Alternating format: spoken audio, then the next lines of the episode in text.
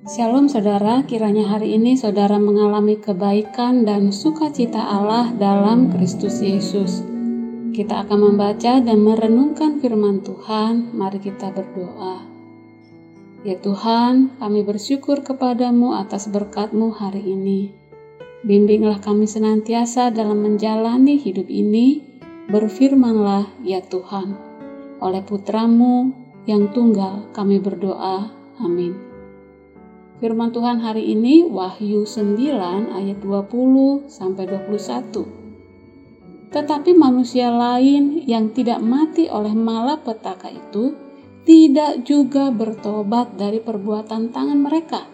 Mereka tidak berhenti menyembah roh-roh jahat dan berhala-berhala dari emas dan perak, dari tembaga, batu, dan kayu yang tidak dapat melihat atau mendengar atau berjalan dan mereka tidak bertobat daripada pembunuhan, sihir, percabulan, dan pencurian. Bagaimana manusia memuliakan Allah? Bagaimana seharusnya kita bertindak agar nama Allah dimuliakan, dihormati?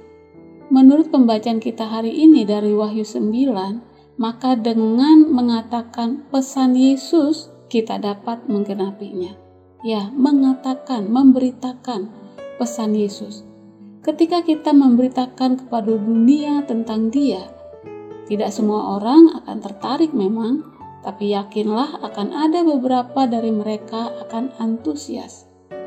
Maka kepada mereka yang percaya, termasuk kita tentunya, pesan ini manis, seperti madu dan hidup mereka akan diubahkan oleh Yesus. Peringatan mengerikan tentang penghakiman berlanjut saat malaikat keenam yang membunyikan sangkakalanya. Ada peperangan yang mengerikan, kematian, dan kesakitan yang kejam. Abad ke-20 mungkin merupakan masa yang paling kejam dalam sejarah di mana pertama kalinya angka-angka yang besar ada dalam peperangan. Namun hanya sedikit pertobatan di sana seperti yang dikatakan di ayat 20 hingga 21 tadi yang kita baca. Kita dapat menyaksikan berita untuk melihat hal ini. Kata-kata ini digenapi di zaman kita sekarang. Kemudian Yohanes melihat malaikat lain yang kuat dari sorga. Ini terdengar seperti Yesus Kristus sendiri. Dia berselubungkan kehadiran Tuhan. Ada pelangi di atas kepalanya yang melambangkan janji Tuhan Mukanya sama seperti matahari dan kakinya bagaikan tiang api. Ini sangat mirip dengan uraian tentang Yesus dalam Wahyu di pasal pertama. Suara yang seperti singa mengaum itu adalah suara Yesus. Dialah singa dari Yehuda itu. Singa yang terkuat di antara binatang yang tidak akan mundur terhadap apa pun. Yesus memberikan gulungan kecil itu kepada Yohanes dan menyuruhnya untuk mengambilnya dan memakannya, yang akan membuatnya membuat perutnya terasa pahit, tetapi manis seperti madu di mulut. Ini seperti mengatakan demikian pula halnya dengan berita Injil.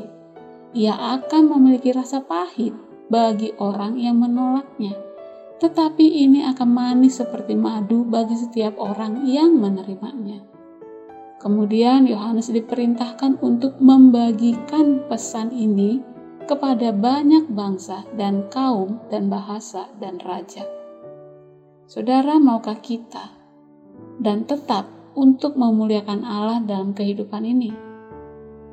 Dengan memberitakan Yesus, sang singa yang telah menang dan anak domba yang dikurbankan bagi seluruh manusia berdosa ini bulan misi di gereja kita memang sudah berlalu.